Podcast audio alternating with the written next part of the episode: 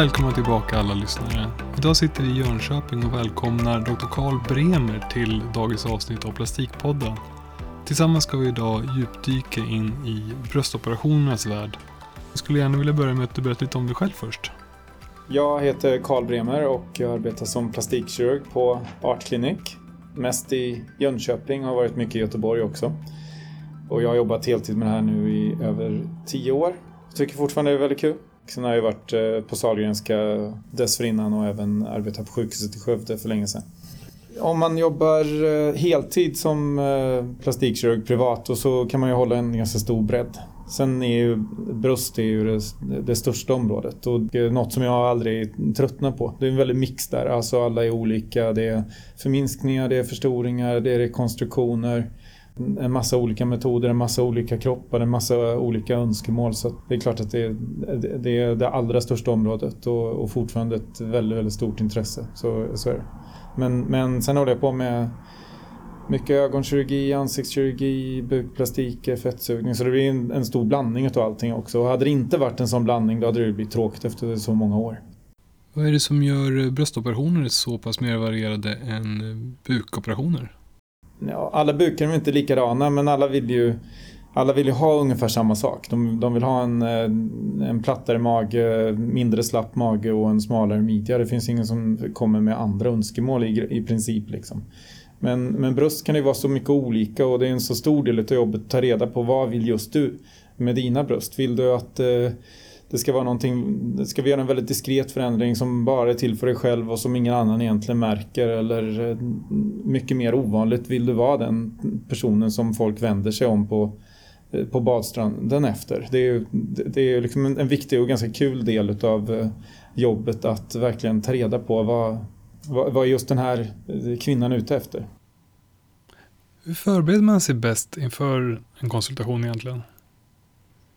Jag tycker egentligen inte att man, man behöver inte vara väldigt förberedd innan man kommer på en konsultation. Man måste inte sitta och läsa på en massa. Man, man får den information som man, som man behöver i grund och botten.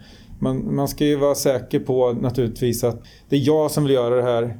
Eh, oavsett vilket slutresultat storleksmässigt och så vidare som, som jag är ute efter så är det för min egen skull. Att, att det inte är någon annan som, det är ju aldrig bra om till exempel, eh, det är mycket, mycket ovanligt, men man kan sitta med, det har ju hänt att man har suttit med en eh, make till exempel som är väldigt engagerad i valet av storlek och form och sådana saker. Det, det ska ju alltid komma från, från kvinnan. Så man ska ju vara säker som patient på att det här är någonting som jag vill göra och jag gör det för min egen skull. Men i övrigt, inte så, i övrigt tycker inte jag att det behövs så väldigt mycket förberedelse. Bör man eh, fördjupa sig i ämnet eh, rejält innan man kommer i konsultationen så att man verkligen förstår allt? Och så kan det vara ibland. Att och ha en någorlunda påläst patient, det är, ju, det är ju i grund och botten bra. Men, men om någon har läst på väldigt mycket så, så kan det bli mer problematiskt. De kan ha skapat sig en, alltså ett, ett mål med operationen som just för dem inte är realistiskt. Läser man väldigt mycket på nätet så de, man får tänka på att de som skriver på nätet det är ett, en, en väldigt liten andel av de patienter som vi opererar. De flesta de går och gör operationer för sin egen del. Kanske varken tänker eller pratar så mycket om den eh, efteråt. Men sen finns det ett begränsat antal patienter som blir väldigt fixerade vid sin bröstoperation. Eh, de kanske skriver massor av inlägg. De får ju väldigt genomslag på nätet och sånt men det de tycker och anser är inte alldeles säkert att det är rätt. De, just de, den patientkategorin säger ofta till exempel att eh, du ska alltid ta större för att annars kommer du ångra att du inte, att du inte, tog, eh, att du inte tog mindre. Men det stämmer ju inte nödvändigtvis utan det stämmer just på den lilla, lilla grupp som är väldigt fixerade vid sina bröst. Så det kan ju lura en del patienter att eh, ta beslut som inte kanske är de rätta för just dem. Eh, om de har läst på väldigt mycket. Och samma om man tittar väldigt mycket på bilder och ofta är det bilder där någonting ser bra ut, till exempel när de har en push-up bh och, och eh, ja, det är liksom inte, tar de av sig bhn ser det helt annorlunda ut. Det är väldigt svårt att jämföra olika kroppar och så vidare så att eh, jag tror man skaffar sig den, den, bästa bilden som patient av vad som är möjligt och, och så, den, den, får man vid konsultationen. Och särskilt med hjälp av de 3D-rekonstruktioner som vi gör nu kan man få en väldigt bra bild av vad, som, vad är möjligt just i ditt fall och man kan också där när man sitter och tittar på bilderna få en klarare bild av vad man egentligen själv vill med sin operation. Och med fetttransplantationer är det också väldigt bra. Där kan det ju vara så att man ser att det fattas lite volym i en viss del av bröstet jämfört med det andra bröstet. Så ska vi få dem att se så lika som möjligt ut, ja då vet jag att då måste jag lägga lite mer fett just där. Kommer man på sin slutkontroll sen då kan man köra om 3D-skanningen och så kan man se att ja, vi har ökat in bröstvolym med 150 gram per sida. Så, så ja, det är ett väldigt viktigt eh, verktyg som vi inte alls hade för 5-10 år sedan. Ja, fem år sedan hade vi det nog. Hur kommer man framåt med sitt eh, val av implantat? Jag börjar konstellationen med att så, så, bra jag kan ta reda på vad är du ute efter. Eh, och då börjar jag med att beskriva tre stycken grupper. Där grupp ett är en eh, bröstförstoring där vi gör en väldigt diskret bröstförstoring, du märker det som en bättre fyllnad i bhn, du ser en skillnad när du tittar eh, naken på dig själv i spegeln. Men sitter du med normala kläder bland dina bästa kompisar så är det inte säkert att de märker någonting. Det är grupp 1 och den är relativt ovanlig. Sen har vi grupp 2 som är den vanligaste gruppen hos mig i alla fall. Då har vi gjort en eh, klart mer synlig bröstförstoring men den är ändå till din kropp väldigt proportionerlig och, och eh, naturlig både storleks och formmässigt. Så går man på badstranden där, om man ska dra en parallell till badstranden så eh, det finns nog en hel del som tycker liksom, och kolla det, hon har snygga bröst. Tänker kvinnor framförallt tror jag mer än män när de ser eh, personen i fråga. Men de tänker inte att de är opererade för de ser naturliga och de ser proportionerliga ut. Slutligen grupp tre, som är i alla fall hos mig ganska ovanlig. Då är det ju mer på badstränderna att eh, åh, kolla ett par snygga bröst men eh, de, de är fake och folk vänder sig om efter personen som går på badstranden där. Och då är det ju mer sällsynt att någon säger ja men där vill jag vara. Det är, och de kanske inte alltid är de roligaste patienterna heller, men det kan ju vara fint det också. Och det är väldigt viktigt. Och med de tre grupperna, då vet jag väldigt mycket vad de är ute efter. Och patienter som överväger fettransplantation, vilken grupp hamnar de i? Egentligen är ju en ren fettransplantation, eh, om man bara gör en enda påfyllning, då är det ju grupp 1, det är ju aldrig mer än det. Det går inte att komma ens till grupp 2 med bara fett. Och det är också en väldigt viktig del om man nu överväger en fetttransplantation att man sätter förväntningar rätt. Vad? Jo, men jag vill ha en lite bättre fyllnad, jag vill fräscha upp, jag vill få ett finare dekolletage. Ja, då kan det vara jättebra. Men, men du vinner kanske en halv BH-storlek eller någonting sånt så att eh, dina kompisar kommer inte se någonting. Eh, och då är det en del som är ute efter det och då kan de bli jättenöjda med den operationen. Om du är ute efter grupp 2 eller grupp 3, då är inte det ett alternativ. Hur kommer det sig?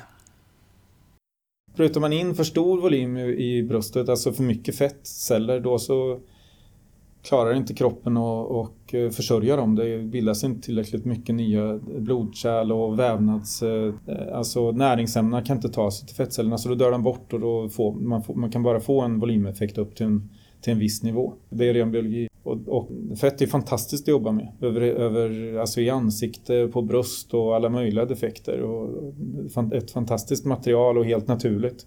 Ditt eget. Det, men det är ju inte alls lika förutsägbart som en, ett bröstimplantat.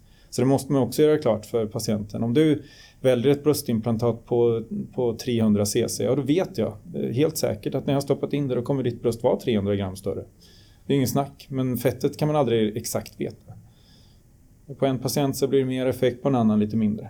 Så det måste ju patienten också ha klart för sig, så man sätter förväntningarna rätt.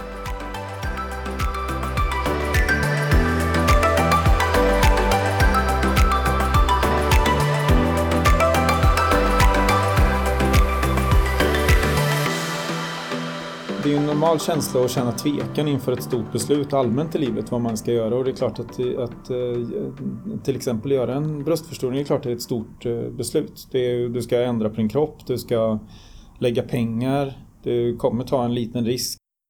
Eh, det första beslutet som du behöver ta det är att okej, okay, jag, jag går och funderar på det här. Jag kan inte riktigt släppa tanken på att jag kanske vill göra någonting åt mina bröst. Gå på en konsultation, det är helt ofarligt ändå. Eh, och eh, då har du kommit en bit på vägen och du får en helt annan beslutsgrund och sen så det kan man ibland, ibland kan en patient säga att eh, ja, jag är så jävla rädd för det här. Liksom. Och då, vad, vad är du rädd för? Och det kan ju vara helt olika saker. Det kan ju vara, jag är rädd för vad andra ska tycka. Jag är rädd för att jag inte ska känna igen min kropp. Jag är rädd för narkosen. Då får man ju diskutera det. Väldigt ofta så kan man ju lugna patienten och ge en trygghet i vissa lägen så kommer man istället fram till att det är nog inte, i alla fall i den här situationen som det är nu, så är det inte en bra idé att göra en operation. Och då har man varit på sin konsultation och sen så kan man gå vidare och sen så kanske det blir aktuellt om några år igen. Men just steget att gå på en konsultation, det är ett viktigt steg men det är ju inte något som ändrar någonting egentligen. Så det, det har jag svårt att se varför man inte ska ta det steget. Så, och den, den, den är ju inte på någon klinik i, i Sverige, liksom, den förpliktar ju inte till någonting. Det är inte så att eh, man som plastikkirurg Eh, sitter och blir sur om det inte blir någon operation eller något sånt där. Utan eh, det är det sista man vill. Det är att operera någon patient som inte är alldeles säkra på att de egentligen vill göra operationen. För då blir det ju inte bra i slutändan. Så att eh, det, är ett bra första steg att gå på konsultationen. Och sen är det klart att eh, går man omkring efter konsultationen och känner att en viss fråga kan jag inte släppa eller jag känner en väldigt stor oro fortfarande och sånt. Ja, då får man komma på en till konsultation. Det går jättebra. Eller i vissa lägen kan det säkert vara så att jag, jag trivs inte med Karl men går till någon annan eh, och, och pratar och plötsligt kanske det klickar och du känner en större trygghet. Eh, det, det har ju heller inte någon plastikkirurg eh, problem utan det ska ju kännas rätt. Men gärna komma på en till konsultation, det, det händer ganska ofta. Eller att man bokar in en telefontid några veckor för man vill diskutera några ytterligare frågor eller bli lugnad på någon punkt och, och så vidare. Finns det något som du skulle kalla en vanlig oro? Det är klart att eh, många är oroliga för att, inte, att det inte går att skapa ett eh, naturligt resultat. Att eh, även folk de eh, inte känner kommer sitta och titta på deras bröst och tänka att hon har opererat sig. Eh, när det inte är det de är ute efter. Eh, så att, eh, och där är det väldigt viktigt att visa bilder. Ja, så här brukar det bli och det ser väldigt naturligt ut. Det går att operera. Det är så naturligt så att även när du tar av dig kläderna så, så syns det inte att du har gjort en bröstoperation. Om man inte jämför före och efterbilder för då syns det alltid naturligtvis en stor skillnad. Eh, det är en oro. Många är oroliga för, för smärtan efteråt. Eh, det kan säkert stoppa en del från att göra operationen. Vi använder ju eh, väldigt mycket lokalbedövning på våra sövda patienter. En lokalbedövning som sitter i lång tid efteråt som gör att när man vaknar upp så har man i regel inte alls särskilt ont när lokalbedömningen börjar släppa så finns det väldigt bra smärtstillande mediciner man varvar med. Och eh, jag har aldrig träffat någon patient som efter några veckor säger att eh, jag ångrar så att jag gjorde den här operationen för jag hade så ont efteråt. Så, så att eh, det kan, det kan vara en rädsla. Många har väldigt ångest kring storleksvalet. Och det kan röra sig om och det förstår jag, för det är ett stort beslut. Men det stora beslutet är egentligen, ska jag göra en bröstoperation eller inte? Om du sen lägger 275 i storlek eller 300 i storlek, det kommer i slutändan inte spela någon roll för att i regel så är du jättenöjd ändå. Men just det beslutet, för det beslutet ligger på patienten, ingen annan som bestämmer det. Och det kan vara en svår del av en bröstoperation och det är säkert massor som sitter och googlar hur mycket som helst på bilder och ligger sömnlösa på natten för att de tycker att eh, nu ska jag fatta ett av de viktigaste besluten i, i mitt liv. Men det är det egentligen inte. För att eh, får vi bara välja ungefär vad som passar till dig vad gäller mått och sånt, då, då blir det bra. Skulle du kunna ta upp en eh, lyssnarfråga eh, gällande bottoming out? Kan du förklara det konceptet lite grann för oss? När ska man vara orolig för bottoming out och eh, Går går att fixa efteråt om man skulle få det. Man ska, alltså, det är viktigt att man går igenom det med patienten. Det, det finns ju en större risk för bottoming out om man väljer en slät, eh, bröst, ett slätt eh, bröstimplantat. Ett litet slätt, alltså med smooth, med slät yta, ett litet bröstimplantat, det rör inte på så mycket. väljer man ett, ett, ett större implantat, ja då påverkas det mer av tyngdkraften och har en större tendens att sjunka ner. Eh, och då är det bättre att ta ett texturerat eller ta ett mindre. Så, och alltid är det så, stora implantat, större risk för, för eh, problem rent generellt. Eh, har man då fått en bottoming out, vilket är en jätteovanlig komplikation, om man är noggrann som plastikkirurg innan och förklarar för patienten och man gör allt för att, för att minska, eh, minska riskerna för komplikationer, bland annat bottoming out. Då är det en mycket ovanlig komplikation. Men har man fått det då så eh, krävs det egentligen en ny operation, eh, ofta en mindre operation där man eh, skapar mer plats upp till för bröstimplantatet igen, trycker upp det och eh, så syr om den nya, eh, det, det nya bröstvecket eh, så att det håller. Eh, och, och, då brukar det lösa sig. Sen i, i, som jag anser i alla fall, mer extrema undantagsfall då kan man behöva förstärka bröstvecket och förstärka nedre delen av bröstet med någon form av nät eller annat implantat. För att skapa mer styrka liksom till, till vävnaden så att eh, bröstimplantaten eh, orkar hållas uppe. Som patient för att minska risken för bottoming out om man har valt ett stort bröstimplantat så anser jag i alla fall att det är viktigt att man i, i hög utsträckning använder en bra bh efter operationen. En som håller implantaten på plats och, och ger stöd till dem. Och särskilt om man är ute och joggar eller rider på en häst, någonting som skumpar mycket, då Eh, gör man det konsekvent utan bh då kommer efter många år så kommer inte vävnaden hålla ordentligt och då kommer bröstimplantatet eh, börja röra på sig neråt. Men, men en vanlig fråga är ju hur, hur kommer jag se ut efter eh, ett par barn, graviditeter, tio år har gått. Och innan man har jobbat länge med det här så vet man inte så mycket om det. För det är inte så att man per automatik har patienter på kontroller efter 5-10 år i regel. Men till slut så träffar man ju patienter eh, då och då. De vill göra något annat. Eh, de kanske vill fixa sin mage och jag opererade deras bröst för många år sedan. Och, och eh, ofta ser det ju överraskande bra ut efter många, många år också. Och efter graviditeter och allting. Så brösten brukar ju kunna hålla sig eh, riktigt bra. När behöver jag göra om operationen? Svaret rent generellt, du behöver aldrig göra om operationen utan det, eh, så var det ju förr. Okej. Okay. Vi har också en ofta återkommande fråga gällande bröstimplantat och det är hur man ska förhålla sig till bröstimplantat i samband med att man försöker skaffa barn eller att man har skaffat barn. Skulle du kunna hjälpa våra lyssnare att förstå situationen lite bättre?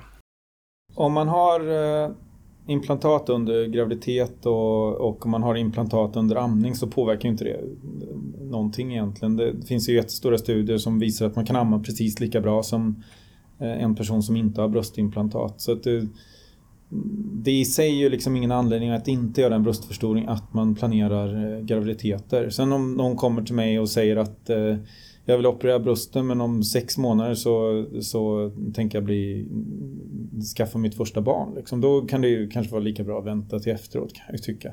För att det kan ju vara så att efter, efter att de har gått igenom sin graviditet och efter att de har ammat sånt då har de inte exakt samma mått och samma bröst och, och eh, en del tappar volym i brösten i samband med graviditet, eh, andra, eller eh, efter en genomgången graviditet, andra får större bröst efter en genomgången graviditet. Så att man har inte riktigt samma sak att jobba med. Så då kan det ju det läget kanske vara bättre att först vara men, men där har vi ju, per automatik så blir det liksom så att den, det problemet är inte så himla stort. För att det är ju som två huvudgrupper med bröstförstoringar. Det, den ena gruppen det är eh, de som egentligen kanske aldrig riktigt varit nöjda med sina bröst. De är för små eller de har en avvikande form och, och eh, de vill liksom skapa något som de inte har haft.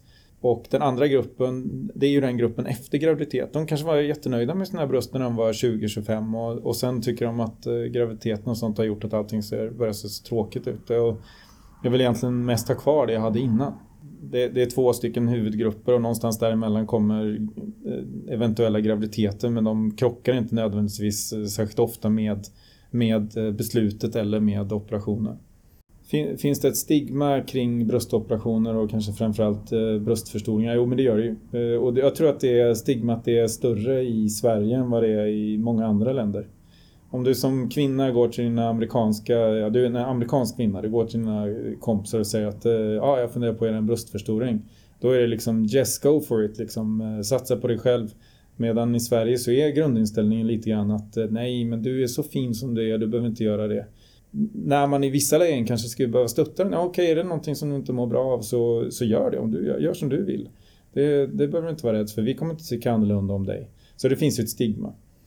Eh, och eh, och en, i, det finns ibland en omotiverad och överdriven rädsla för just att folk ska vill du inte att inte folk ska lägga märke till dina bröst, då gör vi en operation där inte folk lägger märke till dina bröst.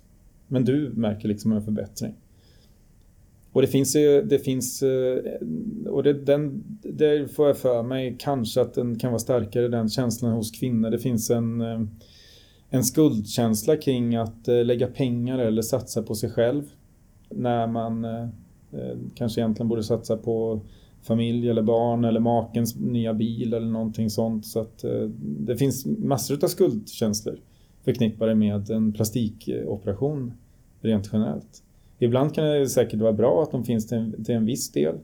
Men eh, ibland och kanske ofta är det inte bra. Är det vanligt med den här typen av operationer, eh, bröstförstoring eller bröstaugmentation? Och är det många som opererar sig varje år? Det är många. Det är väldigt många mer än vad, vad eh, folk tror. Och det innebär ju att det går omkring en massa som har gjort en bröstförstoring som du, du märker inte det. Och du tänker inte på det. Och det är de allra bästa resultaten.